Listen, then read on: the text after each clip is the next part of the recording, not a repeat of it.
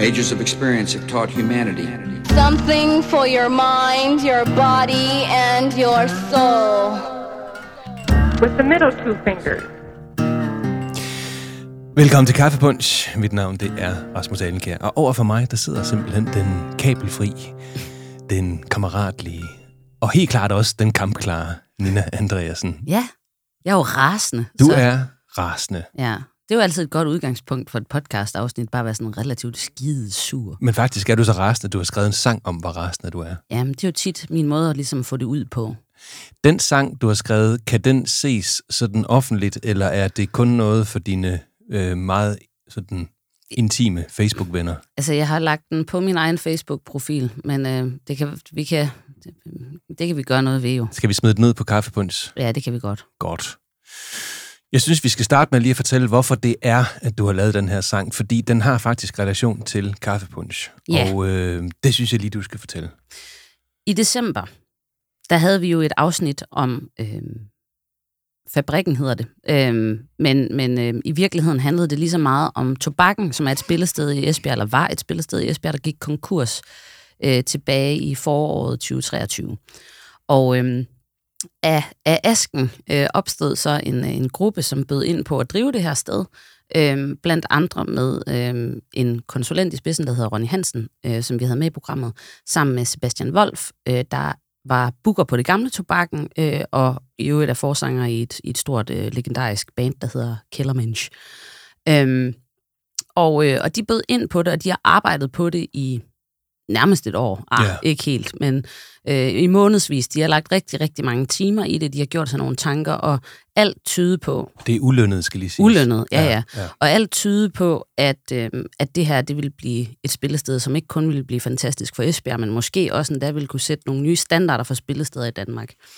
Øh, det er i hvert fald sådan, øh, jeg vurderede planerne, kan man sige. Det kan man også høre på afsnittet i Kaffepunch, nemlig at, at Ronny havde øh, gjort sig nogle tanker om, hvordan er det egentlig, man får lavet det til en god oplevelse at komme ned. Der var sådan nogle spændende tanker omkring, hvordan står man egentlig i kø, eller hvordan kommer man udenom det der køproblem. Ja, Øh, hvad er det egentlig, sådan et sted skal kunne, for at det egentlig også kan generere øh, noget overskud, uden at, at øh, og alt det der. ja præcis. Ja.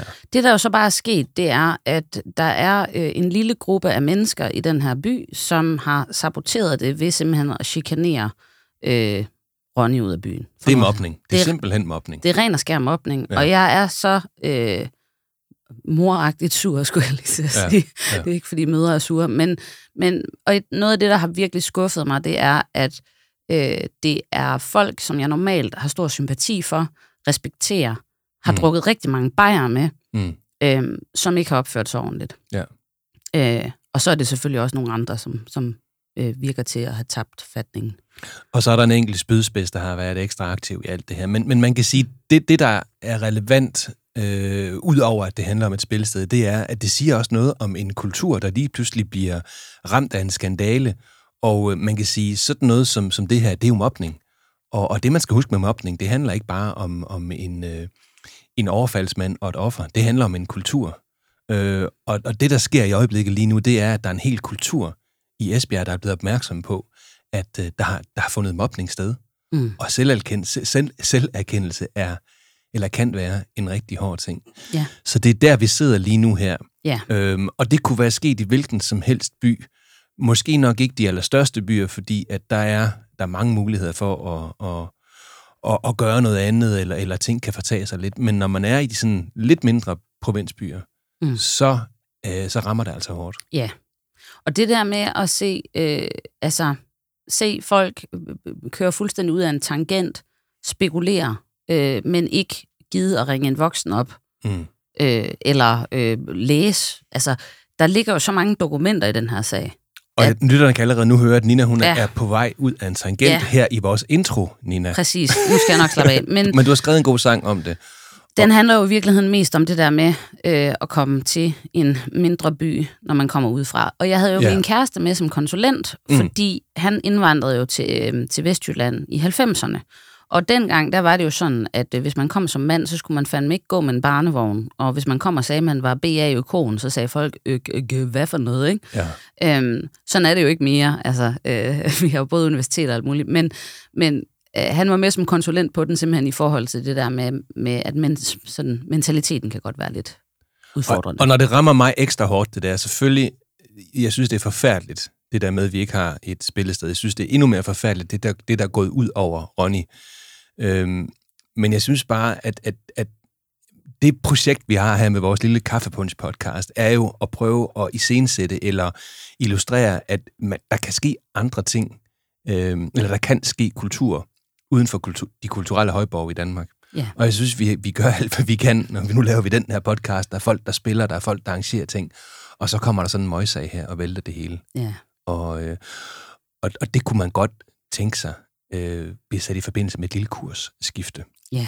Og jeg ved ikke, om du lå mærke til, at det var en lille segway Ah, men det var virkelig elegant. til det, vi skal snakke Ja. om i dag. For i dag, der skal det handle om kursskifter. Så lad os, lad os lægge tobakkensagen, øh, fabrikkensagen lidt til en side, og så bare sige til lytterne, I kan jo lytte til, til afsnittet, som, som, øh, som, som altså ligger på diverse streamingtjenester. I dag, der har vi en øh, gæst med i studiet, som har foretaget adskillige spændende kursskifter. Og det er dig, Michelle Bæk Fris. Velkommen til. Tak skal du have. Du har siddet og ventet meget tålmodigt, synes jeg, mens vi har rasset af herovre på den anden side af bordet her. Det er enormt spændende at være vidne til. Det er godt. Jeg tror, vi skal have dig lige til at tale lidt mere ind i mikrofonen Yes. der. Øhm, du er, du er countrysanger, Yes. du er kirkesanger, Ja. du er plejemor, og øh, så har du været socioassistent Ja. i mange år, Ja. men har taget et kursskifte og læser nu jura. Ja. Ja. Det er noget af et skifte.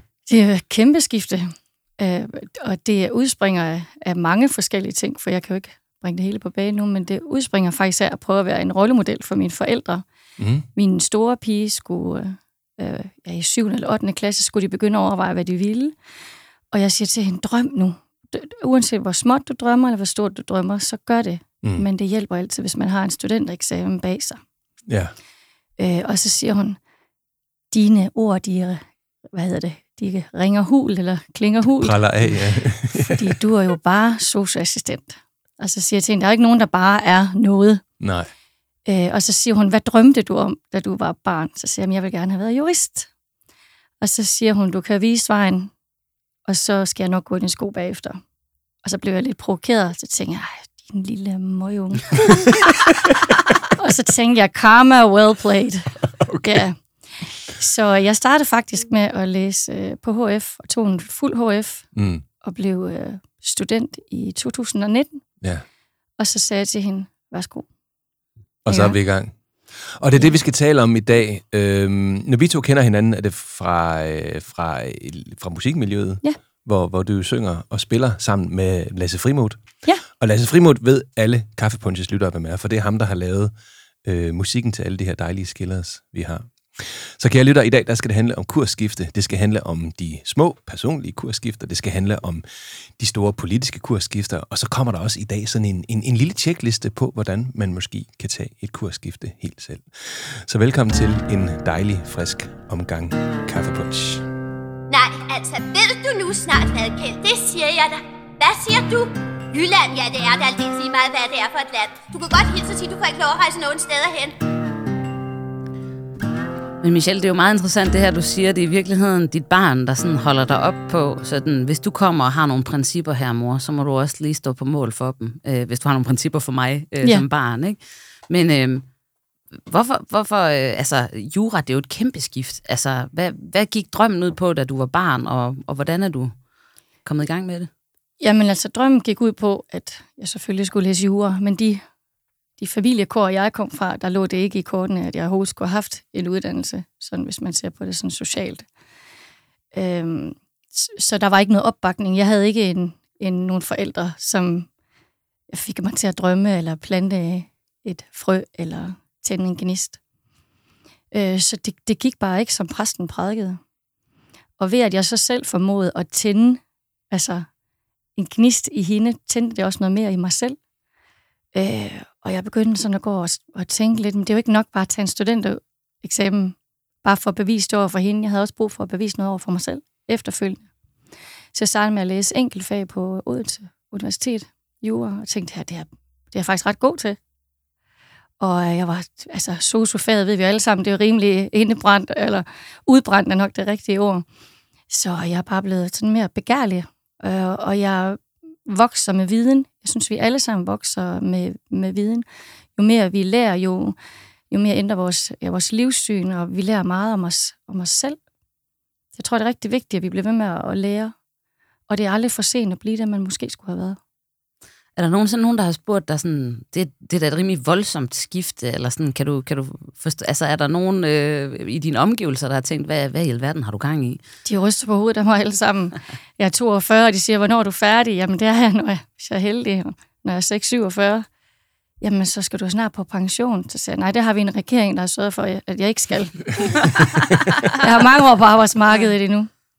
Øh, og så, ja, jamen, det er jo lige så meget, det er også en inspiration til mig selv, at jeg rent faktisk går forrest. Ikke kun for mine børn, men også for, for eksempel med, med kaffepunch, så man kan inspirere nogen til at, ja, at, at forfølge, forfølge en drøm. Jeg er, altså der, der, det er faktisk kun min mand og mine børn, som sådan hæpper og siger, det, du er simpelthen den sejeste. Altså det er Ej, så vi fedt. også her. Vi hæpper vi hæpper rimelig, også. rimelig Vi hæftigt. Og min, min datter, hun har faktisk skrevet en sang her i forbindelse efter, hvor jeg blev student, hvor hun skrev, at, at, at, at hendes mor faktisk er hendes gud. Hun kan ikke gå på vandet, hun har ikke øh, vinger på ryggen, men du ville have forventet det. Åh, Ej, Så, øh, ja. Og, og så lever jeg altid efter det der med, at du kan ikke tænde andre, hvis ikke du selv brænder. Mm. Så du skal også selv ville noget med dig selv. Dengang du tænkte på det der med jura, altså, hvor- hvorfor en, en vision havde du så? Jeg vil bare lige referere til mig selv, fordi dengang jeg tænkte på, at jeg skulle blive psykolog, det var mit, mit kursskifte, eller et af dem i hvert fald. Jeg startede med at være lærer, så blev jeg psykolog. Og det var i høj grad, fordi jeg så ham der Frasier. altså den der serie der. Jeg havde sådan en idé om, at, at jeg skulle være sådan en, der var sådan lidt Frasier-agtig. Øh, og til de lyttere, der ikke har set Frasier, øh, de få, fordi det er en meget kendt serie. Det var sådan en 90'er-serie, øh, også meget typisk sådan Sitcom. sitcom, øh, scenografien er meget 90'er-agtig. Læg mærke til, i 90'erne var der jo, altså alt var jo lyst, altså oplyst. Der var jo ikke den der moody belysning, man havde nu. Så, så det var der dengang. Alt var lidt brunt også. Og Fraser, han gik i det der fine tøj med en jakke og en fin briefcase og så videre. Og det var min vision. Jeg skulle være sådan lidt en Fraser. Det troede jeg havde noget som helst med det at være psykolog gøre. Det fandt jeg ud af, det øh, var meget langt derfra. Han havde sådan et radioprogram, altså det var Ja, lidt... ja, lidt ja, ja, men nu er vi tilbage igen. Ja, ja. Han, han havde sådan et radioprogram, hvor folk de kunne ringe ind og sige et eller andet sådan lidt ja. Sara Monopolet-agtigt. Hvad skal det jeg har jeg så gøre? ikke fortalt dig, men jeg regner faktisk med, at vi får nogen, der ringer.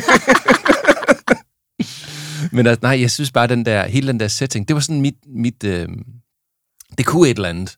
Og, og selvfølgelig var det ikke det, det blev, men det ledte mig jo den rette vej. Så, så jeg tænker, det var meget fedt at have sådan en vision, der sådan var, var konkret, og så kan man godt synes, den var åndssvag, eller, eller den var pjattet, eller den var fra populærkulturen, men den virkede for mig, og den, den holdt mig faktisk lidt sådan i live. Hvad, hvad, hvad, hvad var din, Michelle? For mig har det været sådan lidt forvaltningsretligt. Øhm, jeg øh, flyttede hjemmefra, da jeg var 16 år, hvor kommunen, dengang der sådan forvaltningsretligt, fjernede man ikke børn, eller Nej. man hjalp ikke. Så de plantede mig på kollegaer og overlod mig til mig selv. Så min vision har været at, ville, at kunne gøre en forskel øhm, for udsatte. Øh, Fordi det virkede ikke i familien, hvor du, det, hvor virke, du jamen, var... det virkede ikke. Altså, Nej. jeg havde bare brug for noget støtte. Der var selvfølgelig nogle ting, der fungerede. Og, og der har været en kæmpe udvikling. Nu er jeg jo selv plejeforælder, så det forvaltningsretlige spiller jo stadigvæk meget i dag. Mm. Men, men dengang der har det været mest, det var helt ung, hvor jeg drømte, var det for at hjælpe andre øh, i, i den forbindelse. Ikke Ja. kun forvaltningsretligt, det kunne også have været det NGO eller sådan menneske, Ja. menneskerettigheder. Og det er, det er også det, det jeg hælder til i dag. Jeg sidder i bestyrelsen for Foreningen for Grønlandske Børn, og der er også masser af jura i, og jeg, og jeg tænker også til den retning, jeg ender i, at det er, det er for de små. Ja, ja. Ja. At man kan gøre noget stort for de små. Jeg synes, det er sjovt, fordi øh, nu kan man jo synes, det du siger nu er, lyder jo langt tungere og, og, og langt øh, altså, mere vigtigt. Altså for mig virkede den der vision rigtig godt. Jeg endte jo så også med selvfølgelig med at finde ud af, at det handler altså ikke om, hvilket slips du har på. Øh, Og øvrigt går man ikke med slips, det altså, helt forkert ud de steder, jeg arbejder. Så som Og børnepsykolog. Sådan. Ja, ja, det, det er slet ikke sådan, det er, og det, og det er slet ikke det, det handler om. Øhm, men, men altså, visionen virkede, og så fandt jeg ud af alt det der tunge noget der, ikke også? Og det var faktisk det, der var det interessante, ikke også? Det er bare Ja. interessant at have sådan en. Mm. Har du haft sådan en? Aldrig. Altså, jeg ved, jeg ved ikke, hvad jeg skal om fem minutter. Altså, ej, jeg har aldrig haft nogen visioner for mit liv andet, end at, at, øh, at jeg vil kun lave noget, der interesserer mig. Okay. Øh, og, øh, og det er no, i nogen grad lykkedes, men, men, men jo ikke altid helt. Mm. Men altså, jeg, jeg, jeg lavede jo et kursskift, eller jeg lavede flere kursskifter. Øh, øh, jeg læste jo øh, samfundsfag, eller politik og administration, som det hedder, Mhm. mm-hmm. øh, på Aalborg Universitet i fem minutter en gang. Ej, halvandet år. Øh, og så øh, nåede vi til sådan et modul, der handlede om makroøkonomi og statistik. Og så begyndte jeg at få sådan nogle billeder fra mit indre blik af, at jeg, var sådan, at jeg blev kommunal embedsmand, og så var der bare sådan nogle sagsmapper, der sådan stakkede sig op på skrivebordet med støv på, og, og så havde jeg sådan en, en lunken leverpostej mad med rødbede med på madpakke. Og så tænkte jeg bare sådan, det kan jeg simpelthen ikke overskue det her. Nej. Og så droppede jeg ud, og så var jeg sådan lidt, øh, hvad fanden skal jeg egentlig lave? Øhm, og så var der en kammerat, der sagde, øhm, på Asgaard Højskole, der kan du komme på 14 dages gratis kursus med noget journalistik. Øhm, og så var jeg sådan, jamen, altså det er da bedre end at sidde her og krydre røv. Øh, og så tog jeg afsted, og så, øhm, og så var det sådan, det var sådan et øh, EU-finansieret kursus, øh, hvor der var folk fra Rumænien og Ungarn og Island og også en enkelt tysker, tror jeg. Så var vi to danskere. Og jeg blev sindssygt gode venner med de der rumænere, øh, fordi at de godt kunne lide at drikke vodka og spille poker. Øh, og så, øh, så var jeg sådan, det var sgu egentlig meget nice. Og så gik der lidt, øh, øh så, så var det ved at løbe ud, det her kursus, ligesom. Øh, og så var jeg sådan, jeg har bare lyst til at blive her. Altså, det var bare så rart ude på den højskole. Mm. Og så kunne man tage sådan en månedskursus, som var en forberedende, øh, eller en forberedelse til, til prøven på, øh, på Journalisthøjskolen og på SDU i, i Odense, og så tog jeg den. Øhm, og så kom jeg ind, og så tænkte jeg, "Jamen, så må jeg jo flytte og tage derind. Så, så altså, det er ikke, der har aldrig været noget sådan karrieremæssigt, der har været gennemtænkt. Det er det, jeg prøver på at sige. Nej. Det, det var rent og skær.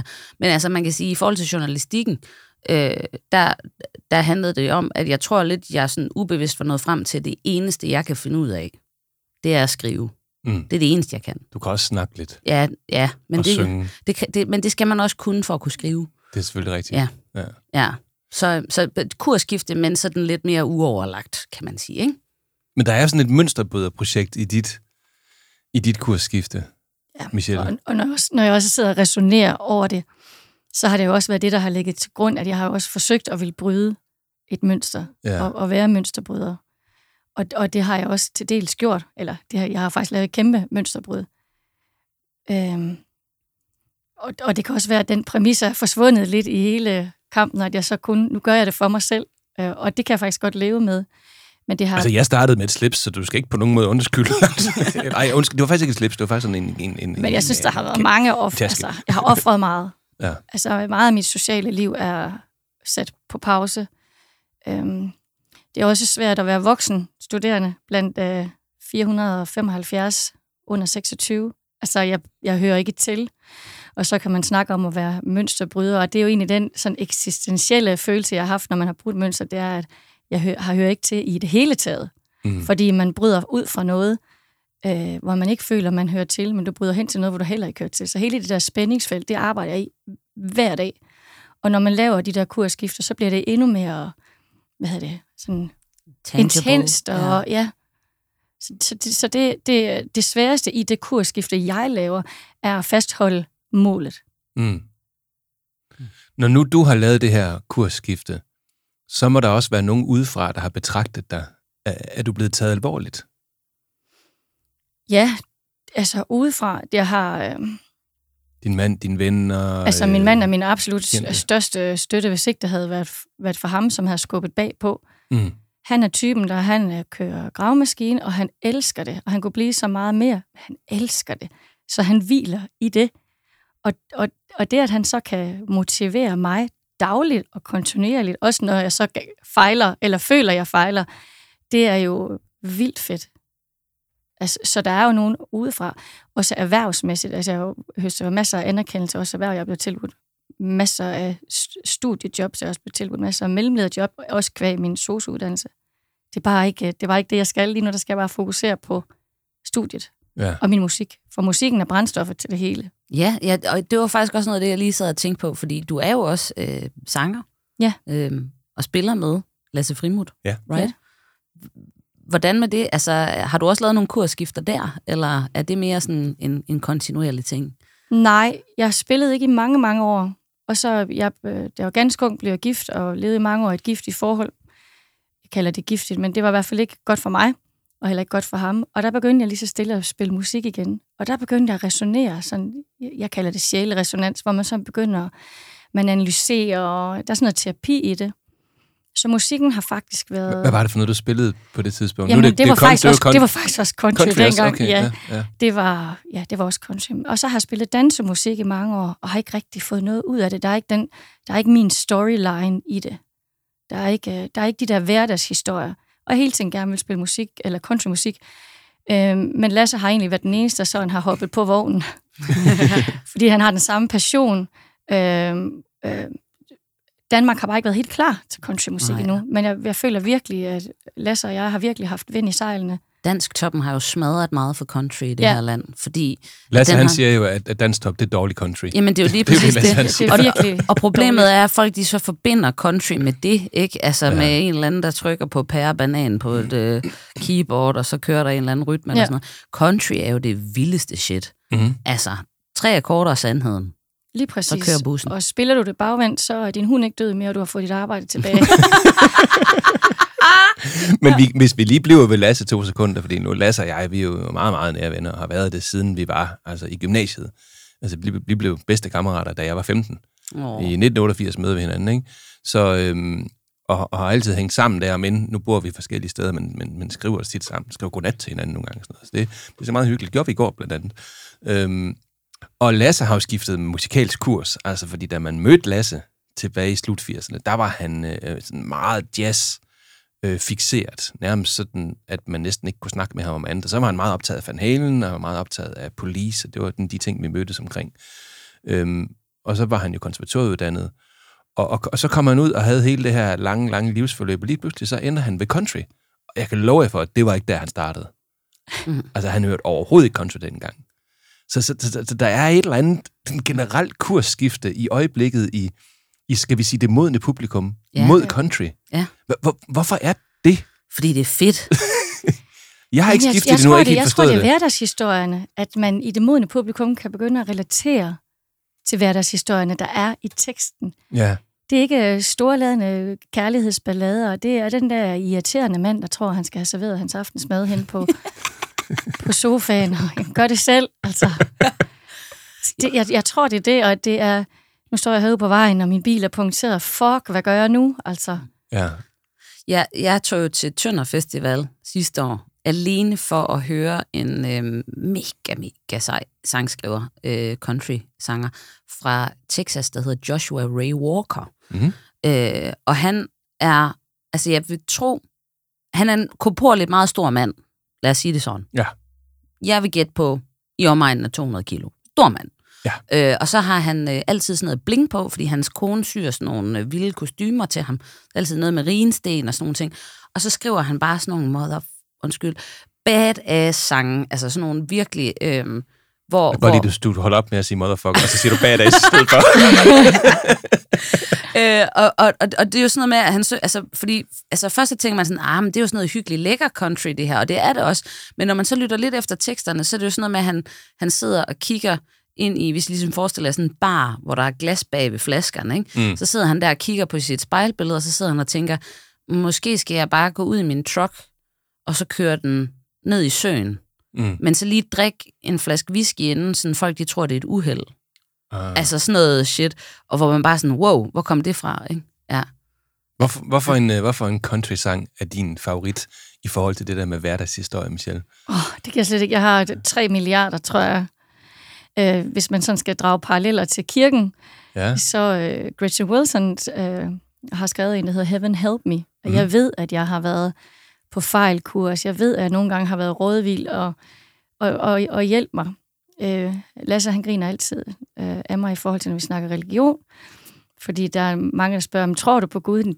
Det ved jeg ikke. Men når der er sådan ting, der går galt, så siger jeg altid, for you hit like a bitch. ja. øhm, så den sang betyder rigtig, rigtig meget for mig. Mm.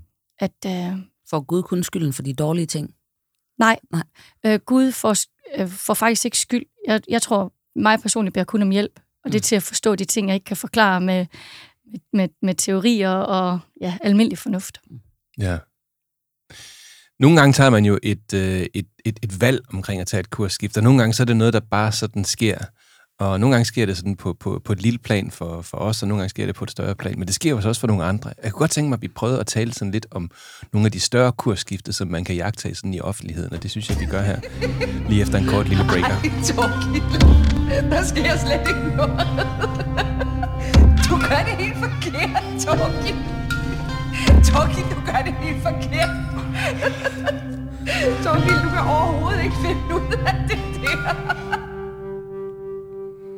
Jamen, er det ikke herligt? Ja, det er virkelig skønt. Jeg, jeg har pjattet med, at du er begyndt at lægge de der danske film øh, øh, ting ind over. Det er virkelig fremragende. Jeg håber ikke, der er nogen, der jager os ned og siger, der er et eller andet med noget, man ikke må gøre, fordi det er et eller andet, vi har Ja, sådan men lige lånt lidt. når det kun er sådan en lille snas, må ikke det må går. ikke det går. Jeg har lagt mærke til øh, nogle kursskifte, sådan histepist. Øhm, et kursskifte, jeg, jeg har lidt svært, og det er ganske uretfærdigt, det jeg siger nu, så derfor er jeg spændt på, hvad I siger til det. Men, men et kursskifte, jeg stadigvæk har lidt svært ved at forlige mig med, er øh, den danske kok, Tim Vladimir.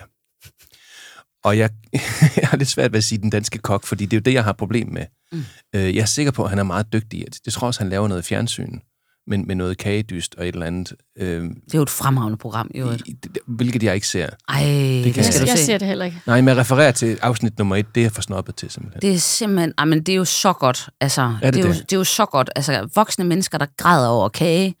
Are you kidding me? Altså, det kan ikke blive bedre. Sådan, Åh, min fondant, den er sådan. Altså, det er jo mennesker i deres livs mest pressede situation, Ja, som er fuldstændig, øh, hvad kan man sige, overflødig at være i. Men, men det er så smukt. altså er Tim Vladimir god til at lave kage? Og det ved jeg ikke, for han laver ikke rigtig noget. Han er bare vært. Der. Okay. Ja. Ja. Men før han identificerede sig som kok, Identificeret, ja. så, så var han jo faktisk komiker. Og han var jo del af, af den duo, der hed, der hed øhm, Tim og Gordon. Tim og Gordon, ja. Og de lavede en øh, film, der hed øh, Stjerner uden hjerner, der blev den største fiasko nogensinde i dansk filmhistorie. Det forstår man godt, når man har set. Jeg, jeg så den faktisk også dengang. Men de havde sådan et makkerpar og lavede noget øh, komik i tv, som var enormt sjovt faktisk. Godnat og sov godt. Godnat og sov godt blandt andet. Og de havde de der håndværker par også, der sådan kom ind. Ja, jeg tror, de skal have en med fætteren der. Og sådan, ikke? Og prøv at sige det til Lasse i øvrigt.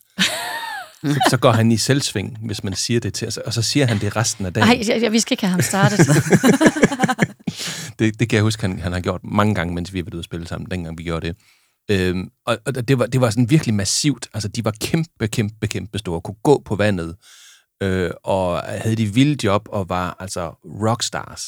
Og så gik der noget tid, var ikke man sådan så dem, og så var Tim lige pludselig kok. Ja, Gordon, han har jo faktisk, øh, Gordon Kennedy, han har jo spillet med i Esbjerg-revyen. Mm-hmm. Øh, så han, han huserer jo som, Og en, Revyskuespiller. en dygtig re- Ja. ja. revyskuespiller. Jeg har været lidt i kontakt med ham også, og en flink fyr og alt det der. Øhm, men jeg har faktisk lidt svært ved det der skifte af en eller anden årsag. hvorfor tror du? Jeg ved det ikke. Nej.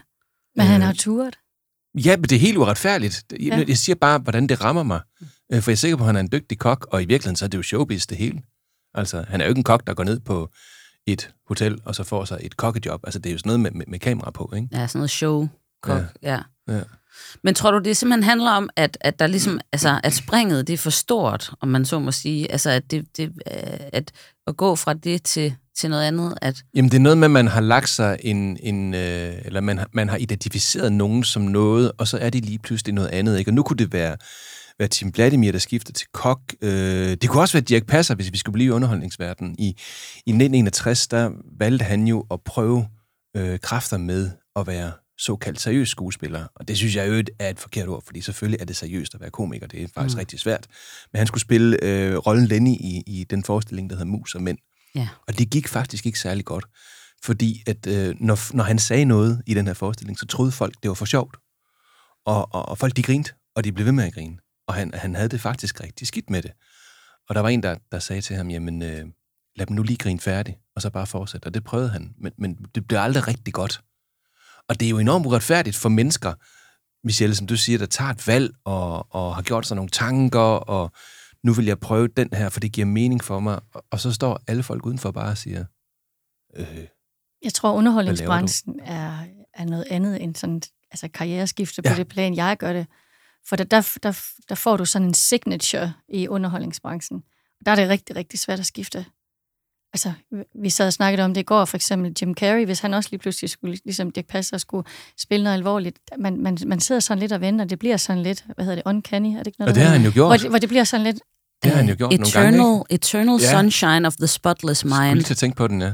Er en af de smukkeste film. Altså med, sammen med, det er Kate Winslet, han spiller med. Jeg kan ikke huske. Har du set Michelle? Nej. Nej, Han spiller oh. en... Øh, er, det, er, er det autistisk, eller er det noget... Nej. nej det er Han er- skizofren de er eller sådan et eller andet. Der, han, han har, der er, er noget psykisk... Nej, det er fordi, Er der øh, nej, det? de er kærester, og så går de fra hinanden, og så, øh, så bliver han så, øh, så ked af det, at han opsøger et, en virksomhed, en læge af en eller anden art, som mm. har udviklet en teknik, hvor man kan slette bestemte mennesker fra ens hukommelse. Okay. Øh, og, så, øh, og så går filmen ligesom ud på, at han, at han for, skal ligesom få slettet harddisken, så to speak, få slettet Kate Winslet fra sit sind. Det er sådan, det var. Men så kæmper han ligesom imod, og så følger man, hvordan det løber, altså ind i hovedet, hvordan han prøver at løbe rundt og gemme hende, fordi han alligevel ikke helt af med hende. Øh, den er meget, meget, meget smuk. Men han er faktisk en god skuespiller. men jeg- han er også blevet ved. Han er blevet Ja. ved. Han er blevet ved, han har, han har stået uden for, også selvom han blev ved med at stå alene, indtil ligesom folk har anerkendt, jamen han kan faktisk godt. Så det kræver også, at man har mod og kræfter til at blive ved med at skifte kurs. Jeg insisterer på, at det her, det vil jeg. Ja, og Ja. jeg kan. Det lå, lå måske lidt i, i, i, i direkte forlængelse. Nu var han jo i gang med at spille skuespil, men, men altså, han var jo The Mask. Altså, han var jo øh, Dom and Dommer, og så står han lige pludselig med en seriøs rolle. Ikke? Ja. Øhm, jeg tror bare, det, det, det, det, det er en, sådan en uretfærdig situation at stå i. Jeg tænker også, at der er noget i, at, at en ting, det er det der med, om omverdenen kan forstå et kursskifte. Men jeg tror nogle gange også, at omverdenen kan blive bange for, hvis man laver et kursskifte, fordi de bliver konfronteret med, at de måske selv burde gøre det. Mm-hmm. Øh, altså det her med, at man står og kigger på sådan, okay, Michelle, så tog du skulle lige en jurauddannelse der. Øh, hvad siger det om mig, at jeg så ikke gør et eller andet, jeg drømmer om, fordi du har to børn og spiller musik og øh, er aktiv i forening, øh, hvad, Ja. ja. Grønlands forening. Fem børn. Og har du fem børn? Jesus Christ. Det er jo, en, øh, det er jo, en, det er jo, en, det er jo, en, det er jo et fodboldhold jo. Men altså, ja, nu når du siger det, jeg har, har fået at vide, at, at det er fordi, du tror, du er bedre end os andre. Ja. Nej. Har de er fordi, sagt jeg, det? Ja, altså, okay. Og det har været fra min egen familie, at de føler, at jeg rejser mig fra dem. Og jeg har, har faktisk sagt ordret, ja, det gør jeg, men vil I ikke godt rejse med? Mm. Mm. Så enten så kan man vælge at, at blive øh, inspireret og tændt, og så selv følge med, eller så kan man sætte sig tilbage med armene over kors og tænke, pff, Men- ikke en snop. Men det er hårdt. Altså, min far blev lærer, skolelærer, og det, han var den første i hele sin familie, der nogensinde havde fået en boglig uddannelse. Han blev mobbet, for han kom jo fra en fiskerfamilie. Mm. Altså, så, han, havde, han havde det virkelig hårdt, og de var hårde ved ham. Altså. Ja. Ikke? Så det, altså, det, det- det, det kræver noget. Har det også krævet øh, virkelig at stå fast for Ja, dig? altså, ja, det har det. Ja. Øhm, og det har faktisk været min nærmeste familie. Altså ikke min egen lille familie, på min, men altså mine forældre. og- Altså, der er ikke noget anerkendelse at, at hente. Mm. Altså, det er virkelig som om, at jeg tror, man synes du nu ikke bare, du skulle nøjes. Altså, man kan jo godt nøjes her i verden, så længe man kan betale sin regning også. Så, jamen, jeg har brug for, jeg skal ikke bare nøjes, jeg skal have det hele med. Så, øh, så det har faktisk kun været de nære derhjemme, der synes, det er fedt. I din ydmyge analyse, er, er det så det, Nina siger med, at, at de, bliver, de bliver konfronteret med noget, de måske selv burde gøre, eller er det fordi, de har en oplevelse af, at nu bryder du ud af deres rækker, og der er en eller anden form for solidaritet, op- du forbryder dig på, eller Det er solidaritetsbruddet. tror du det? Det er jeg slet ikke i tvivl om. Det er klassebruddet også måske. Ja. Hvordan, hvert hvordan, kan man se min. det? hvordan kan man se det? Jamen, vi glider lige stille fra hinanden. Ja. Øhm, og, og i takt med, at man lærer mere, bliver, bliver afstanden imellem folk også større. Øh, hvordan vi anskuer livet politisk.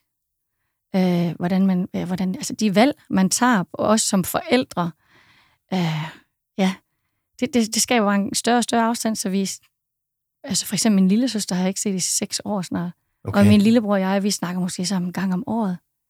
Øh, så, så det er bare blevet sådan noget med, at afstanden, jo mere viden, jo større afstand, mm. hvis det giver mening. Ja. ja.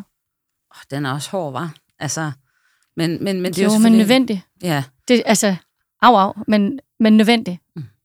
men det er jo også det, nogle gange, så kan der jo godt være masser af kærlighed, men, men at man ikke nødvendigvis øh, ja, har en, en, en forståelse for hinanden, eller, eller at man ligesom er ja, vokset fra hinanden i virkeligheden. Ja. Ja. Der er jo også nogle gange, at, at man kan se, at det måske ikke er så radikalt et, et, et skift, eller det, det virker måske ikke som så, eller det er sådan en, en, en, lille, en, en slags overgang. Ikke? Nu kan vi se Pernille Vermund i øjeblikket. Mm. Jeg ved ikke, om skal vi kalde det et kursskifte? Hun er hoppet fra Partiskifte i hvert fald. et partiskifte, kan vi sige, fra Nye Borgerlige over til Liberal Alliance. Ja, altså, øh, man kan sige, hun får jo meget den økonomiske politik med, men lige den der del med, at, øh, at alle, der er lidt brunere end øh, en hvid En chokolade, de skal sendes ud af landet, eller hvad det er. Ah, nu skal jeg heller ikke være grov. Jeg ved det ikke, altså, jeg, jeg, jeg forestiller mig, nu tænker jeg lidt positivt omkring det, at, at man måske, og det siger også noget om mig, jeg, jeg har lidt på fornemmelsen, at hun er blevet klogere. Mm. Det kan vi håbe. Men jeg ved ikke, om, om, om man kan synonymisere det at være mere mangfoldighedstænkende med at være klogere. Det er jo egentlig også... Jeg, af jeg, en synes, jeg synes, det er vigtigt, vi, altså, når vi også snakker om det der med læring, at vi bliver klogere. Jeg kan se på min rejse, fra da jeg stemte første gang, da jeg var 18, og så til nu sådan rent politisk, hvordan jeg har sådan taget skridt Mm. mere og mere. Og, og det vil jeg da også håbe, kvæg hendes arbejde og hendes erhverv, at hun også er blevet klogere, og hun så lander der, hvor hun rent faktisk gerne vil være. Jeg synes, det er okay at skifte. Det er okay at kigge ind og tænke, ah, det her det er måske ikke helt rigtigt for mig alligevel. Det er ikke det, jeg skal formidle. Mm. Det, det er, altså, jeg har jo en sådan generel modvilje mod hele partisystemet, fordi øh, det indbefatter, at man skal være mange mennesker i flok, der er enige om ting. Ja. Og allerede der, der stejler jeg jo lidt, fordi øh, hvis man ikke må være uenig, og det må man selvfølgelig godt på de interne linjer, det er jeg godt klar over, men, men, øh, men ja, så det er sådan lidt, øh, og så, så på den måde, så burde jeg jo ikke være sur over, at man skiftede fra et parti til et andet, men der, jeg synes, der har været meget af det der, det handler ikke om Pernille Vermund, men der har godt nok været meget af sådan noget, folk, der er blevet valgt ind øh, på et eller andet grundlag, og så lige pludselig, så skifter de parti til et eller andet andet. Og der ved jeg godt, altså sådan rent grundlovsmæssigt i Danmark, der er det jo sådan, at, at vi vælger jo vores repræsentanter personligt. Altså, vi vælger jo egentlig ikke et parti, selvom vi godt kan stemme på en partiliste, så er det jo personer, der bliver valgt ind, og derfor så følger stemmerne jo personen, og ikke partiet nødvendigvis. Mm. Men, øh, men derfor kan man da alligevel godt sådan, nogle gange tænke sådan, mm, altså, sidder der ikke et helt vælgerkorps, der lige er blevet snydt? Ja, og hvad er det lige for noget? Der er jo det, jeg tror, vi har talt om tidligere her i Kaffepunch, nemlig det, der hedder attribueringsteori, som er sådan en, øh, en tænkning inden for psykologien, hvor man tillægger øh, forklaringer til en given adfærd. Ikke? Og der er det, der hedder en internal attribuering, og det, der hedder en eksternal attribuering. Og den internale, der tillægger man årsagen et indre forhold, og den eksternale, der tillægger man det et sådan ydre forhold. Ikke? Mm. Og det er ofte sådan, at når det er andre mennesker, så tillægger man typisk en internal forklaring. Hvis det er en selv, så er det en eksternal forklaring. Altså, hvis jeg nu skulle skifte parti, så ville det være en eksternal forklaring, jeg sikkert vil bruge netop, det er jeg da nødt til. Mm. Altså, I kan jo nok se, at det giver mest mening for alle, og det vil faktisk være bedst, at jeg gjorde det her. Det er fuldstændig altså oplagt, at selvfølgelig skal jeg skifte. Men hvis andre gør det, så vil man typisk tillægge en internal attribuering. Altså, det er nok noget med dig. Øh, er det fordi, du, du, du vil... Øh, øh, du, der er noget med din personlighed, eller er det fordi, der er et eller andet, du gerne vil opnå? Det er noget inde i dig, det her. Altså, det, Du bliver jo ikke valgt næste gang for det parti. Eller, nej, nej, du det er nok, ja. du har nok en strategi på det, eller sådan noget. Man tænker ikke sådan, det egentlig vil være en god idé, at det vil være oplagt at gøre, mm. når det er andre. Det, det er nok den, der sådan rammer lidt, altså Pernille Vermund, hvor, hvorfor, hvorfor rykker du nu videre? Eller Pernille rosenkrantz teil der jo startede som besætter, Ja. eller noget, der ligner, ikke? Og, øh, og var med til at smide maling på, på Anders Fogh. Eller hvad? Ah, jeg ja, tror... og det ah, gjorde hun ikke. Hun, hun, Ej. ja, men, men, men, men der var vist en dør, der blev åbnet, tror jeg. Ikke? Ja, der var også nogle høns i Folketingssalen, var det? Ja, ja. ja, det, ja. Og, og, og pyt hvad med det, det var egentlig ikke det, jeg ville ind i, men, men, men, men skifter jo lige pludselig over og bliver socialdemokrat Og minister. og respekteret Mm. og alt det der, ikke? Jeg tror nu altid, hun har været respekteret, faktisk, fordi hun er ret dygtig. Men Og men, du er måske respektabel, altså, i stedet for sådan Ja. at være en del af etablissementet og gerne vil tage ansvar og sådan nogle ting. Men det, det vil sige med det, det er bare, at vi kan godt, vi kan godt ret hurtigt, sådan, når, når vi ser folk foretage et kursskifte, være sådan meget opsat af, hvad, hvad er det, der foregår inde i dem, i stedet for sådan at kigge på. Det vil, det vil da måske være meget godt, ud fra sådan et, et ydre perspektiv. Hvad tænker du, Michelle? Jamen, jeg oplever det, også når jeg kigger på det politiske, jeg oplever det tit, at andre folk oplever det som flugt, Ja. frem for at, at, altså, at man er kommet, blevet klogere, som du selv sagde. Mm. Det giver god mening at flytte sig lidt videre nu her, ikke? Ja, lige præcis. Men, Det er jo en ud attribution. Du, du flygter fra noget. Det er Ja, dig, der lige gør præcis. det. Ja, det er et internalt. Men, men at, det er en, at det er en flugt. ja. Det er sådan, man oplever det udefra.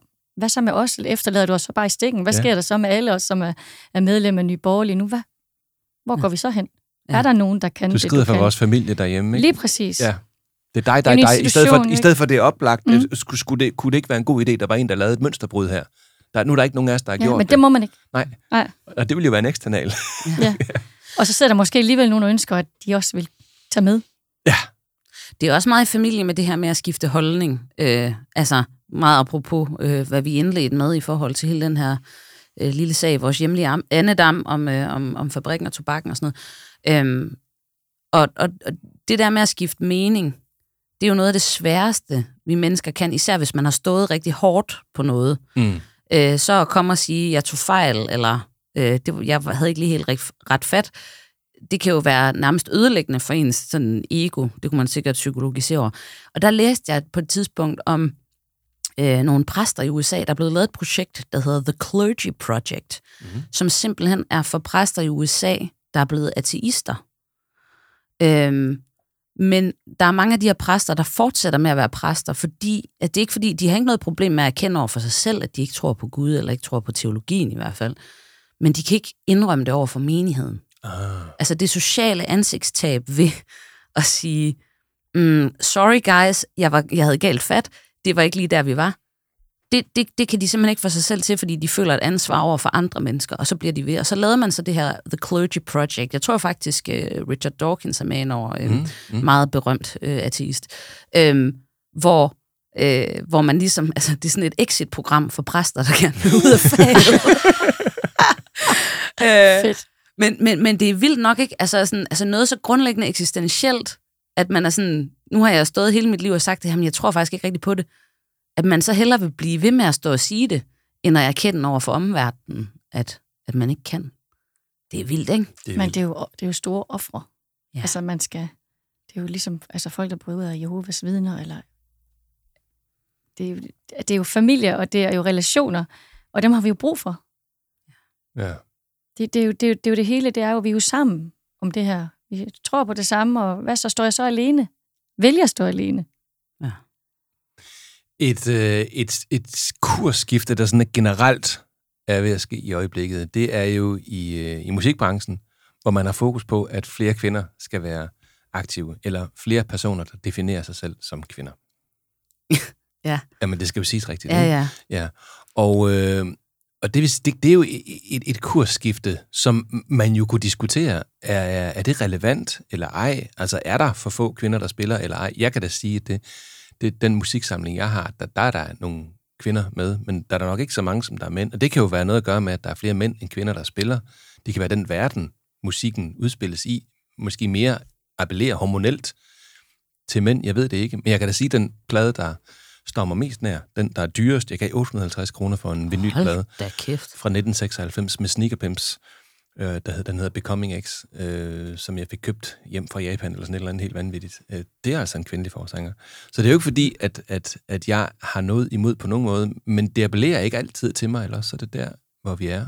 Øh, mit yndlingsband i Danmark hedder Convent. Det er fire kvinder, der spiller. Men, men, men jeg kan lide dem, fordi jeg synes, de spiller godt. Ja. Og jeg synes, det, det, lyder, det lyder godt, og jeg kan lide øh, det image, de har, eller dem, de er. Jeg er ikke interesseret i at, at starte med at sige, nu skal jeg høre nogle kvinder først. Hvordan oplever I det som kvindelige musikere? Altså, er det forseret, det der kursskifte, der, der er i gang? Er der et kursskifte? Altså, det kan da godt være, at vi skal have nogle kvindekvoter i musikbranchen, men jeg oplever det meget, når jeg er ude at spille, at de siger, vi er altså ikke vant til at have kvinder, og kan du godt skifte, kan du godt skifte tøj sammen med dem? Ja, jeg er jo en af drengene, Mm. men du skal kunne være, det er sådan, jeg oplever det for den, altså det er, at du skal kunne være en af drengene, og det er a man's world. Det er mm. Øh, hormonelt, og du skulle kunne drikke en øl øh, af flasken. Mm. Helt sikkert. Og Altså- man skal, kunne, man skal også kunne fortjene sin plads. Altså, man skal jo ikke bare have en plads, fordi man er kvinde. Nej. Nej. Altså, jeg kommer jo til at tænke på en gammel, gammel historie. Øhm, fra da jeg var 18 år. Jeg var lige flyttet til Aalborg. Jeg havde lavet en hel plade sammen med Martin Poulsen, faktisk, som Mm. vi har nævnt i et afsnit på et Mm. tidspunkt. Han er lydmand, turnerer verden rundt med alle mulige vanvittige Og orkestre. han blev så glad, da vi gav ham et skud, så skal vi ikke lige give ham et Jo, lille skud mere. skud Hej, mere hej Martin. Martin. Jeg har faktisk lavet en hel plade sammen med ham, som aldrig er udkommet. Øhm, det er der mange grunde til, at den ikke er udkommet. Det kan, det, ja, og, Mm, øh, mm. ungdomsløvsind og alt muligt. Nå, jeg gik op på et managementbyrå med den her plade, og kommer ind, og der er en sød dame, og siger, nej, hvor spændende, Nina. Den må vi heller lige lytte på. Så lyttede hun på den. Jeg var 18 år gammel. Mm. Så lyttede hun på den, så siger hun, god stemme, god sang. Hvor gammel er det, du er? Jeg er 18, siger jeg så. Ja, så skal du til at skynde dig. Fordi det er allerede ved at være for sent, sagde hun så. Okay. Og så skal du jo tabe dig 20 kilo. Ja. Den besked har jeg også fået mange gange. Ja. Altså, man kan jo ikke slå igennem i musikbranchen, når man ser ud, ligesom du gør, Michelle. Nej. Jamen, hvad nu, hvis jeg slår igennem med, med sådan, som jeg lyder? Ja. Ja, nej, men sådan er det ikke. Der er helt klart en bias øh, i forhold til, at hvis du er plus 35 og kvinde og gerne vil noget i musikbranchen, øh, og du ikke, øh, altså i hvert fald i sådan, den der sådan lidt gammel drenge ting, øh, så er du bare fucked. Mm. Altså, så er der ikke noget at gøre. Øh, og så kan man jo vælge at være ligeglad, og så gøre det alligevel, som, Præcis. som du gør, og- jeg prøver at gøre nogle gange i hvert fald. Men Det er det er, derfor, jeg svært, spiller sammen med Lasse. Han er lige så fucked som mig. men det er simpelthen svært bare at komme ind ad døren. Altså. øhm, Fordi vi står over på den anden side, også mænd, og nu tiltager jeg mig retten til at, tiltage, til at tale på alle mænds vejen. Det, det synes jeg jo er helt forkert, så det skal jeg ikke. Men, men man kunne godt tænke, altså, der er lige adgang til øvelokaler. Ja. Der, der, der, der alle kan, kan lige så meget som hinanden gå ind på nettet og bestille noget for tonmanden, hvis de skal mangle, mangle nogle instrumenter. Altså, man, man kan egentlig gøre det samme. Sådan ser det ud herfra, hvor jeg er. Øhm, er det sådan? Altså, er der reelt lige muligheder? Kan man få det til at fungere? Altså, jeg, jeg har jo altid taget mig lige muligheder. Mm. Øh, forstået på den måde, at jeg har valgt at lære at spille et instrument. Jeg har valgt at bruge ret meget tid på at lære at skrive sange, og på at slippe mit eget gear. Ikke? Mm. Øhm, og på den måde også og valgt at, øh, altså fordi der ikke var nogen pl- pladeselskaber, der gad at lege med mig, så jeg jo crowdfundet og udgivet min egen musik og betalt egen lomme øh, for at gøre nogle ting. Øhm, så, så, så ja, altså selvfølgelig så er der jo muligheder på den måde. Men der, hvor det bliver svært, oplever jeg, øh, og det ved jeg ikke, om det er en generel ting, eller om det er bare noget, jeg oplever, det er øh, at få hul igennem til etablissementet. Mm. Mm. Øhm, det er simpelthen svært at få ørenlyd for, altså alene det at plukke ens øh, single for eksempel til radioen. Altså nu om dagen, så er det jo bare sådan noget, du sender dem ind i et eller andet bibliotek, ind i DR, og så hører du aldrig fra dem igen. Mm. Øh, Mm. altså, øhm, og, og, og det ved jeg sgu ikke, om det nødvendigvis har noget at gøre med, at man er kvinde, eller om det handler om, at, at man lytter lidt mere til, til de etablerede pladeselskaber, øh, medmindre man sådan på en eller anden måde laver et viralt hit og går, går i rundhyl. Nå, på den måde, ja. Jeg tror, jeg tror at, at mænd er lidt mere lige til. Det er det samme til en jobsamtale. En mand kommer som oftest ind og ved, hvad jeg vil have. Jeg ved, hvad jeg er værd. Og er meget bedre til at sælge sine varer. Vi kvinder, det er meget følelser. Mm. Og, og, og mange piger, du skal heller ikke have ret mange have ret meget ris, før du tager det ind og tænker, det her det kan jeg ikke finde ud af. Der er, der er mænd meget mere. Det skal du sgu ikke bestemme. Det, det arbejder jeg med videre. De er bedre til at sparke døre ind, øh, end kvinder er. Vi Mm. er alt for sensitive. Jeg har også nogle øh, sangerinde kollegaer, hvor, altså, det, hvor det går helt galt, fordi man kan ikke tåle at få kritik. Øh, konstruktiv kritik, ej heller. Hvor at, at en mand vil tage det op, og så vil han, hvis det var en guitar solo, han ikke kunne spille, så ville han sidde ind til den her, han kunne næle pisset, hvor mange piger, de bare siger, så er jeg nok ikke god nok.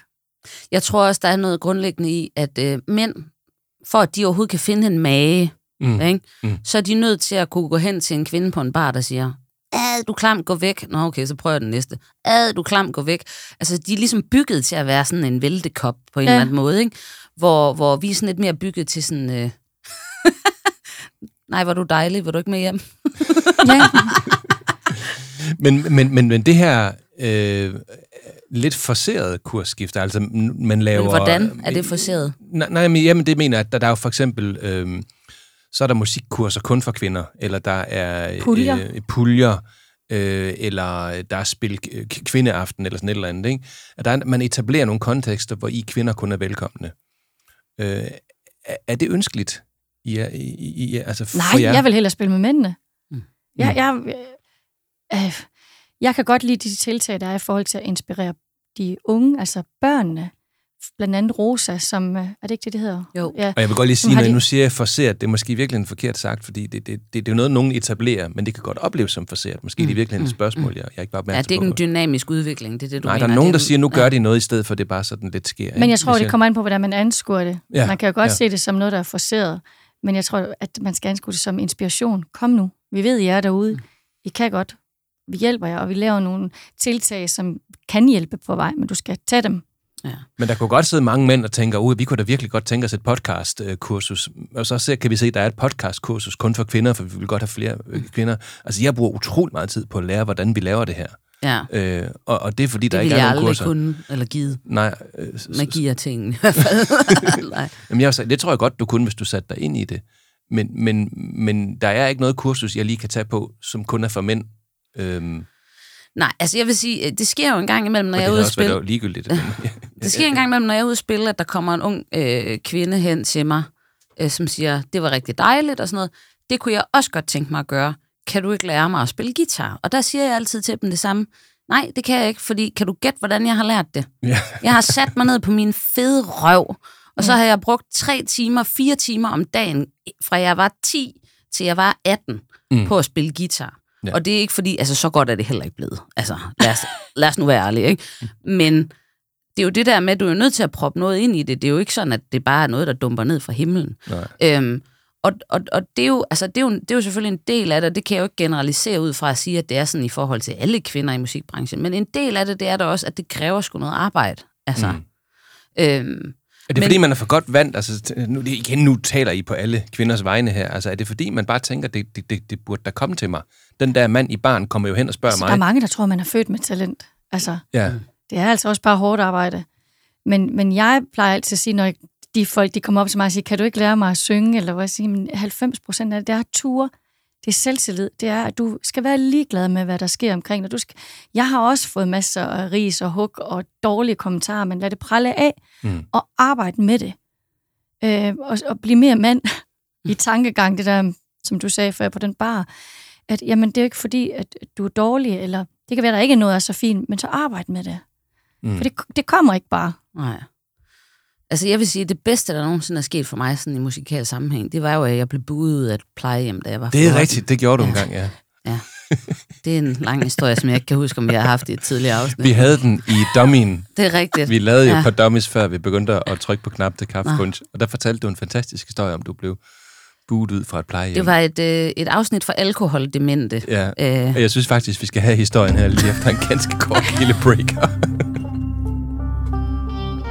Og jeg er faktisk ikke i tvivl om, vil jeg gerne have lov til at sige, at hvis ikke vi havde haft de embedsmænd i centrale ministerier i Danmark, som vi har haft, så havde vi ikke klaret den her krise så godt, som vi har. Så ja, øh, der kan være råd en finke af panden, og mere end det. Lev med det. Nina, vi skal simpelthen have den der historie, inden at vi går videre med det, vi skulle have snakket om, fordi det, den er altså ret god. Ja, altså det, der sker, det er, at jeg er 14 år gammel, mm. ikke? Øh, og jeg havde lige været med i sådan et talentprogram på tv, så jeg var sådan blevet øh, øh, famous overnight Ja. i øh, downtown Cherbourg, 6731, øh, og noget.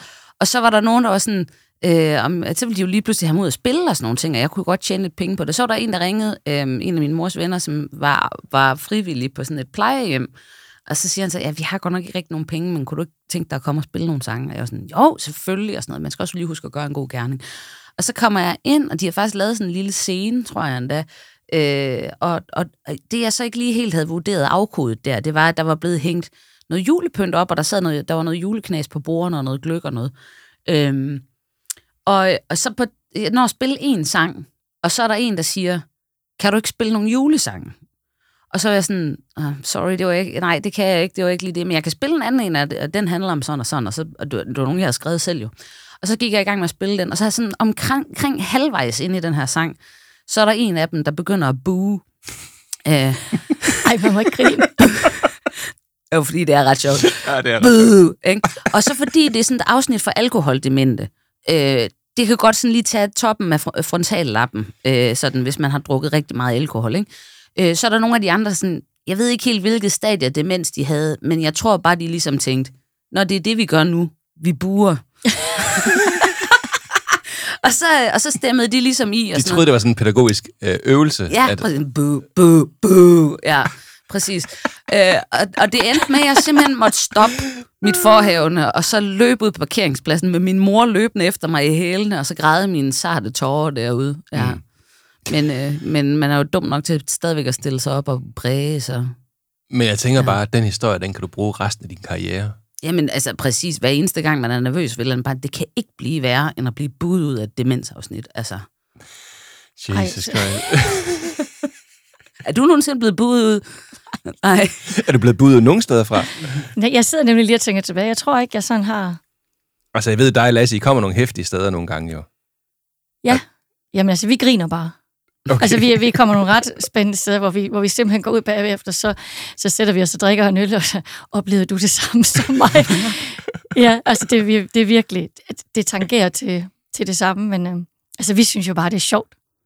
Altså, så kommer man ud og får øvet og får lært hinanden at kende musikalsk, og vi har ikke lige været på demensafsnittene endnu. Jeg tænker ikke, jeg kan overtale Lasse. Nej. Er det sådan mere øh, be, øh, beværtninger og forskellige... Ja, det er de brune værtshuse. Ja. ja. Det er Ja. der, hvor man dufter dejlige af cigaretter, når man kommer hjem. Ja, men det er også den bedste sådan, musikalske pondus, man kan få. Det er sådan nogle steder, så lærer man at dukke sig for flaskerne. Ja, ja, lige præcis. Det, men det der med cigaretrøg og sådan noget, det fungerer ikke så godt at skal op og synge i kirken sådan om morgenen. Nej. Nej Nu kunne man forestille sig, at country måske er mere velkommen de steder, men du kan prøve at spørge Lasse til, hvad det var, vi spillede sådan for, for, for 30 år siden, da vi spillede sammen. Altså, der, der, vi, vi dukkede jo op på nogle af de der værtshus der, med en setliste, der bestod af Marillion-numre og øh, sådan lidt øh, fusionsfunk, øh, og, og altså, spillede sådan noget, sådan noget øh, begynder konservatorium noget, som, som skulle lyde lidt klogt, og det insisterede vi på, sådan skulle det være. Og det er noget af det, der har lært mig mest. Det er altså, at være i sådan et miljø og overleve det, og stå på, en, nu, nu kommer vi og spiller det her, og, og det gør vi altså. Du har fået publikumstække af det. Ligesom, okay, vi forventningsafstemmer lige lidt her. Eller, eller virkelig den hårdhed, som tror Man kan Michelle snakker om, ja. altså, at, at, at, at, at når man nu beslutter sig for, at nu vil jeg gøre det her, så, så kan det godt være, at der er nogen, der har enormt meget modstand på. Det må de så have. Men det har der også, vi havde jo forventet meget, at når vi skulle ud de her steder, de er jo vant til at have en duo, som kommer og spiller Vimmersvej og Ja. ja. alt muligt Kim Larsen, og vi har kun det med, at vi selv vil spille. Og vi er faktisk, tror jeg også, jeg taler på Lasses vejen, sådan ret overrasket over, hvor vi får faktisk ikke nogen opfordringer. Mm. Fordi de faktisk godt kan lide det, vi kommer med. Ja, det er lidt mere koncertagtigt, det I laver. Ja, det er det. Ja. Samtidig med det, der så er det der brune værtshus pendant til det. Altså, at, det er jo specielt folkefærd, der, der hygger sig de steder. Men de lytter faktisk, og det har faktisk taget lidt røven på os. Mm. Ja. Det, det er vildt fedt. Vi har, jeg tror, vi en enkelt gang besluttet, om vi kunne spille Himmelhunden. Ja. Og så den skal sagde jeg, den lade- har Lasse ikke lært endnu. Det er sjovt. Himmelhunden og Whisky in a Jar, det er to sange, jeg har nægtet at lære, fordi så kan jeg et ærligt hjerte sige, desværre, jeg kan ikke spille den. Altså, min øh, far, han fik desværre på et tidspunkt en øh, blodprop i hjernen, og han var på, øh, tror jeg godt, jeg må sige, han var på Vejle Fjord sammen med Teddy Edelmann, faktisk, der jo har skrevet Himmelhunden. Så de havde et vældigt makkerskab, de to. Jeg kan ikke huske, om de sad og sang den sammen, men øh, det kunne jeg forestille mig, de har gjort. Jeg har, jeg har også øh, nægtet at spille Himmelhunden i mange, mange år. Indtil Volbeat kom med for evigt. Og vi har spillet den i mange år nu. Nu vil jeg gerne tilbage til Himmelhunden. Det kan jeg sgu godt forstå. En fyr, der hedder Thomas J. Law, som jeg har fundet inde på øh, et site, der hedder Obelo. Og det er altså ikke, fordi jeg har tjekket ham vanvittigt ud. Det kan være, at han bare er en eller anden planslærer. øh, øh, øh, øh, det kan også være, at han er vanvittigt genial. Men selv blind høne kan jo finde korn. Jeg ved det ikke. Jeg har fundet noget på nettet. Det er blot det, jeg vil sige. Han øh, har lavet sådan en, en liste på 10, øh, 10 bud på noget, der kan hjælpe en med at få taget et kursskift. Og den kunne jeg godt tænke mig, at jeg prøvede at spille sådan lidt op til jer to. Mm. Øhm, han har simpelthen lavet en liste på 10, og den første øh, handler om, at i hans version af en god kursskifte ting, der skal man beslutte sig for rent faktisk at skifte kurs. Øh, og det er jo lidt en anden ting, end at, at, at kursskiftet sker sådan dynamisk. Michelle, er det noget, du har besluttet dig for, at nu vil jeg gøre det, eller var det sådan, der, der sådan gled stille og roligt over i eksempelvis juraen? Nej, det, altså, det var en beslutning. Det er også sådan, jeg hører det. Ja, Ja. det var det. Ja. Og det har det egentlig været, altså jeg, når jeg beslutter et eller andet, men der er jo altid en proces, før man tager en beslutning. Så der vil altid være sådan lidt, hvor man går og tænker sådan lidt frem og tilbage, fordele og ulemper. Og når man også er i den, altså er midaldrende snart, så er der også noget økonomi, når man tager nogle beslutninger. Og der er også, ja, de fem børn, jeg har derhjemme, har jeg også noget ansvar for. Jeg kan jo ikke bare kun tage valg for mig selv. Mm. Så det er beslutninger, men jeg har ikke gjort det uden at, Nej. at overveje konsekvenserne. Nina, når du laver kursskifter, er det så sådan, du også beslutter dig for det? Det er sådan Eller er kamikaze-agtigt. altså, ej, det passer så heller ikke helt. Jeg tror, vi talte om det i vores afsnit om gøjlerliv. Ja, øh, ja. Altså, jeg lavede jo et skifte fra, jeg var jo statsansat med 18 procent i pension øh, og sådan noget, og så, øh, så sagde jeg mit job op, fordi jeg ikke trivedes i det, og så blev jeg selvstændig. Mm. Eller det tænkte jeg, jeg skulle være. Øh, og det var jo sådan lidt, folk var sådan, hvad skal du? Så Det, det skal jeg lige finde ud af. Altså, ro mm. på. Altså, nu kigger vi lige på det og sådan noget. Men det gik rimelig hurtigt, det gik rimelig godt.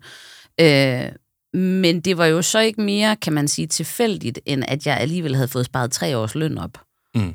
Øh, I ren, sådan tror jeg, sådan instinktiv. Jeg skal lige, nu laver vi lige en buffer, så vi har lidt muligheder. Ikke? Ja, ja, ja. Det man ja. også kunne kalde en fuck you-konto. Ja. Øh, øh, men, øh, men det er ikke... Øh, altså... Nej, jeg tror sgu desværre... Altså, jeg gad godt, at det var sådan, at, jeg, at det var overlagt. Det var det ikke. Nej, Nej, okay. nej, jeg er meget ubeslutsom. Den næste ting, som uh, Thomas J. Law her, han anbefaler, det er, at man skal øve sig i at træde uden for sin komfortzone. Og, og, og, og, og jeg vil nok sådan sige, at være i det. Eller som Mette sagde lige før i den forgangne skiller, lev, Lev med, med det. ja. Michelle, hvordan, er, er det noget, du har brugt, det der med at øve sig i at være... I, ja. Og jeg Ja. har faktisk et helt øh, godt eksempel. Ja. Da covid-19 slog ind, mm. der mistede vi musikere alle vores spillejobs, og jeg manglede min, jeg manglede min Det øh, gjorde alle os foredragsholdere også, skal livsbrændstof. og jeg tænker, shit, hvad, hvad, hvad fanden gør jeg? Så jeg ringede op i kirken, hvor jeg bor, og så siger jeg, må jeg ikke godt komme op og synge op ved jer, når jeres kirkesanger ikke kan? Og så lige det, jo, men det, de vil godt bruge mig som vikar, og det jeg så lægger på, så tænker jeg bare, fuck, nu gjorde du det igen. Altså hopper ud på tynd is. Men det er jo ikke noget, der vil påvirke min familie. Og jeg kommer derop, og jeg er jo så uskolet, og jeg kan ikke male inden for linjerne musikalsk, og, og det var bare... Og jeg tror, jeg, havde simpelthen diarré en halv time før, bare ren hormonel, altså nerver, og ja. Og, og, og det første år, ja, det var det samme hver gang, men jeg kunne bare mærke, det lettede. Altså, Ja. men jeg blev ved med at gøre det. Altså, jeg forstår det ikke. Altså, når jeg kigger tilbage, så forstår jeg ikke, hvorfor løb jeg ikke. ja. Men, men jeg blev ved med at prøve at gå Hvorfor ud. løb og så du, fandt- hvorfor løb du ikke? Jamen, fordi jeg, jeg kunne mærke, det var sjovt. Det var sådan lidt, jeg var sådan lidt, hvor man sådan griner sådan lidt. Det var sådan tragikomisk på en eller anden måde. Altså Ja, mig, ja. for det første mig i en kirke. Øh, og som kirkesanger, og det var virkelig svært. Det var en stejl læringskurve. Mm.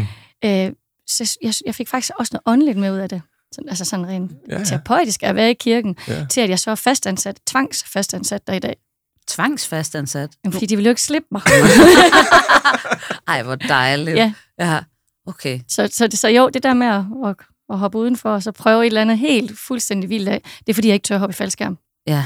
Men Ja. jeg, jeg skulle lige at sige, fordi det er jo også en vinterbadning, det er jo også sådan kontraintuitivt, men folk de gør det jo alligevel i trods, og så bliver de, bliver de, ja, jeg er heller ikke lige helt kommet med på den selv, men, men de bliver jo glade ved det, fordi at de ligesom, ja, netop øh, altså, kommer ud af deres komfortzone, og så finder de ud af, sådan eftervirkningerne af det er jo egentlig meget rart, ikke? Mm. Mm. Ja. Den næste ting, det er øh, identificere de ting i dit liv, du vil have, der skal være anderledes. Øh, så, så hvad er det egentlig, man kan sige, nu er, at studere jura er jo en anden ting, men hvad er det egentlig for en ting i dit liv, der skal være anderledes? Hvad, hvad, hvad, hvad fører det hen imod? Mm. Jamen, det får- fører hen imod, at jeg rent faktisk opnår de ting, jeg ønskede. Mm. Øhm, og så, sådan rent fysisk, så fører det også hen til, at jeg kan ikke være i altså fysisk socioarbejde resten af mit liv. Altså indtil jeg bliver, hvornår kan jeg gå på pension, hvis jeg er heldig, 70. Fordi det er fysisk hårdt Ja, være eller altså, hvad? ja, det er det. Ja. Og, og mentalt, altså der er jo, vi har jo aldrig tid nok. Nej. Så også, jeg skal bare lave noget, jeg brænder for, og, og så skal det også føre hen til en inspiration for andre. Så du, du, du tog det her kursskifte, var det også fordi, du vil ændre på din dagligdag? Det har det været. Kan du genkende noget af det, Nina? Ja, ja. ja, ja, ja jeg tænkte jo meget der efter corona, så skulle man tilbage på arbejde, så tænkte jeg, jeg vil hellere sidde herhjemme i løs buks. Lige præcis. Ja. Det er jo det, han taler om. Ja, Og Ja. uden BH. ja, præcis. Ja, og det, det, det, det havde jeg heller ikke, Nej, kan jeg sige. ingen BH.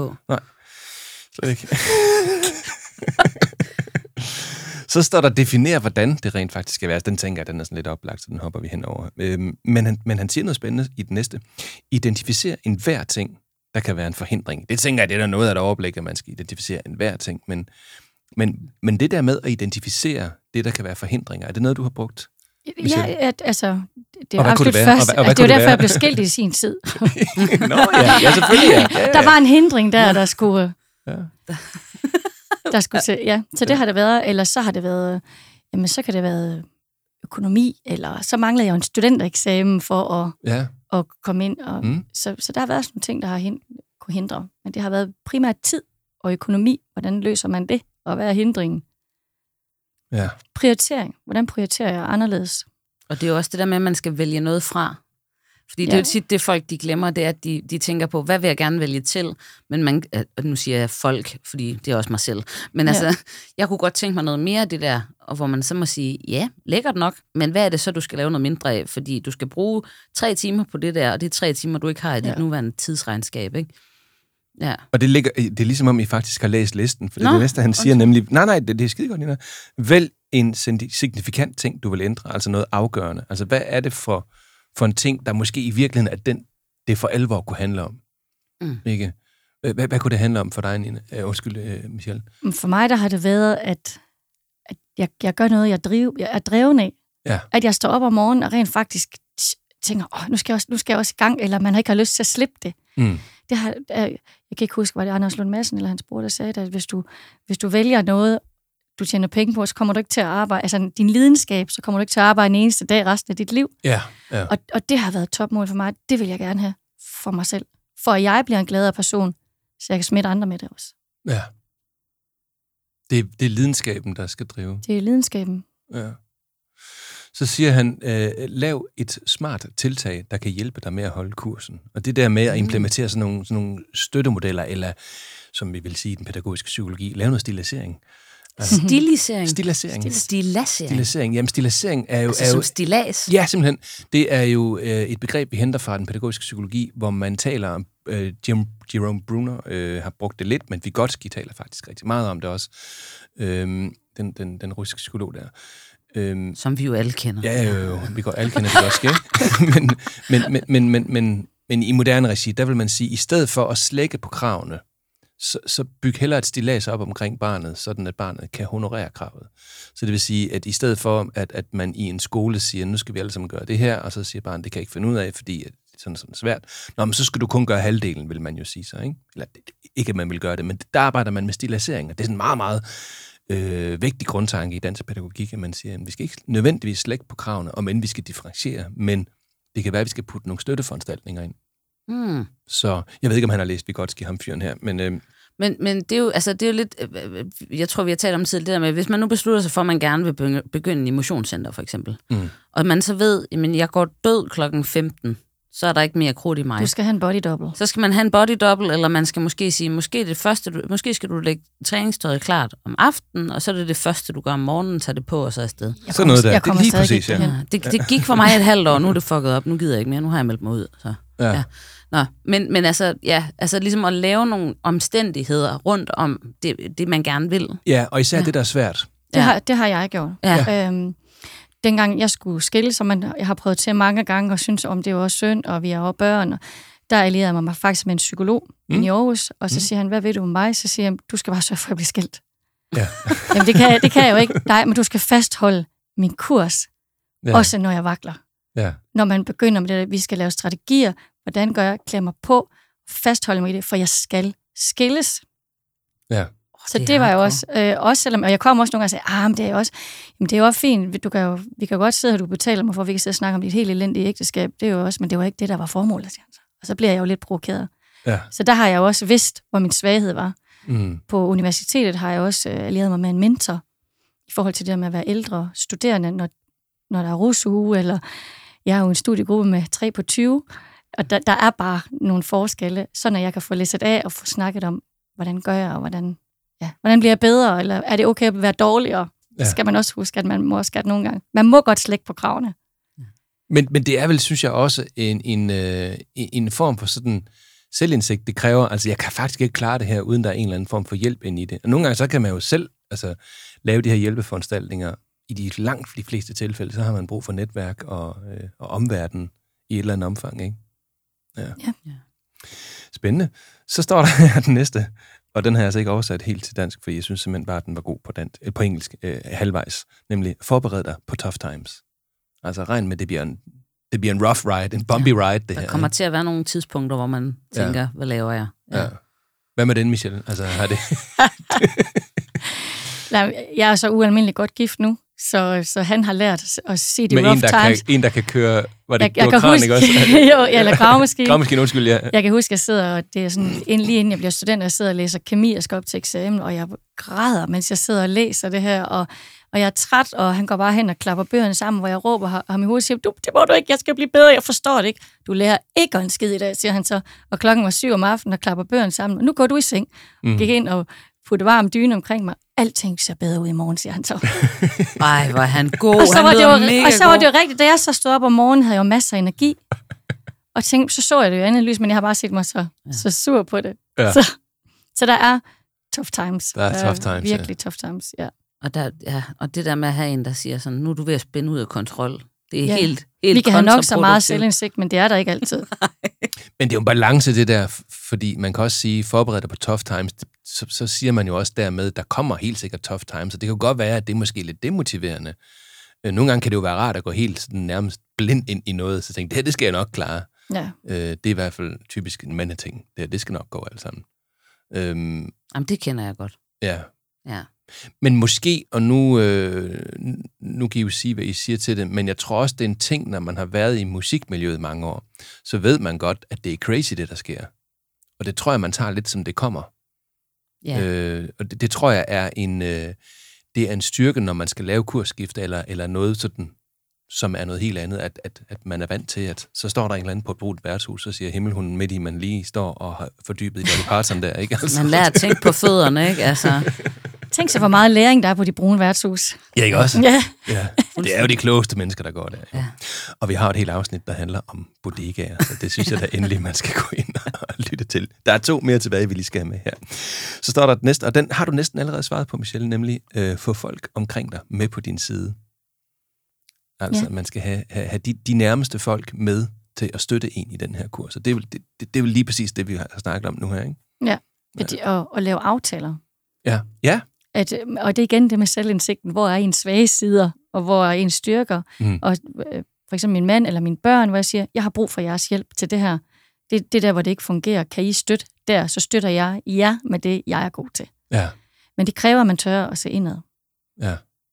Og så de folk, som ikke, man ikke, der ikke vil hjælpe, fordi de griner, jamen, dem har du ikke brug for. Altså, væk. Mm. det, det minder mig om en, øh, en idé, en veninde og jeg udviklede en gang over lidt for meget rødvin, om at vi ville lave en app, der skulle hedde PropSwap, hvor man kunne bytte problemer med andre mennesker. Jeg troede, det var sådan noget prop, altså sådan nogle stage props, Nej. altså sådan Pro- pro- problemswap. Problemswap, Det er fordi, det er altid meget nemmere at løse andre menneskers problemer. altså, Præcis. Vi havde ingen problemer i verden, hvis vi skulle løse hinandens problemer. nej. Altså, jeg synes, det er rigtig vigtigt for mig. Nu har jeg jo, øh, jeg har jo min egen lille virksomhed, og har en enkelt ansat, som også er min kone. Øh, og Det er jo nu, hende, der er chefen. Nu siger jeg ansat, fordi hun er jo så lige gået ind og taget lidt over og er blevet, blevet chef på det. Og man kan sige, jeg havde ikke klaret det, hvis ikke hun var der. Men men det, jeg øh, kan se, hun ikke bare sådan er på min side. Hun er også en, der nogle gange siger, hvad jeg skal. Og det skal man altså være god til at lytte til. For eksempel så har jeg fået for som lektie at lave kaffepunch podcast. Ja. Fordi at, øh, at, at det kan godt være op ad bakke, når man sådan starter med et nyt projekt, og hvordan skal vi få nogen til at lytte på det her fantastiske ja. lille barn, vi, vi synes, vi skaber her og alt det der. Men, men der er det Louise, hun siger, ved du hvad, du er simpelthen gladere, når du kommer op ned for, for Bubblicious-studiet, så øhm, det skal ja. du. Ja, men der, det tager også tid, og sådan sådan, ja, men det skal du. Ja. Så nu Ja. gør du det.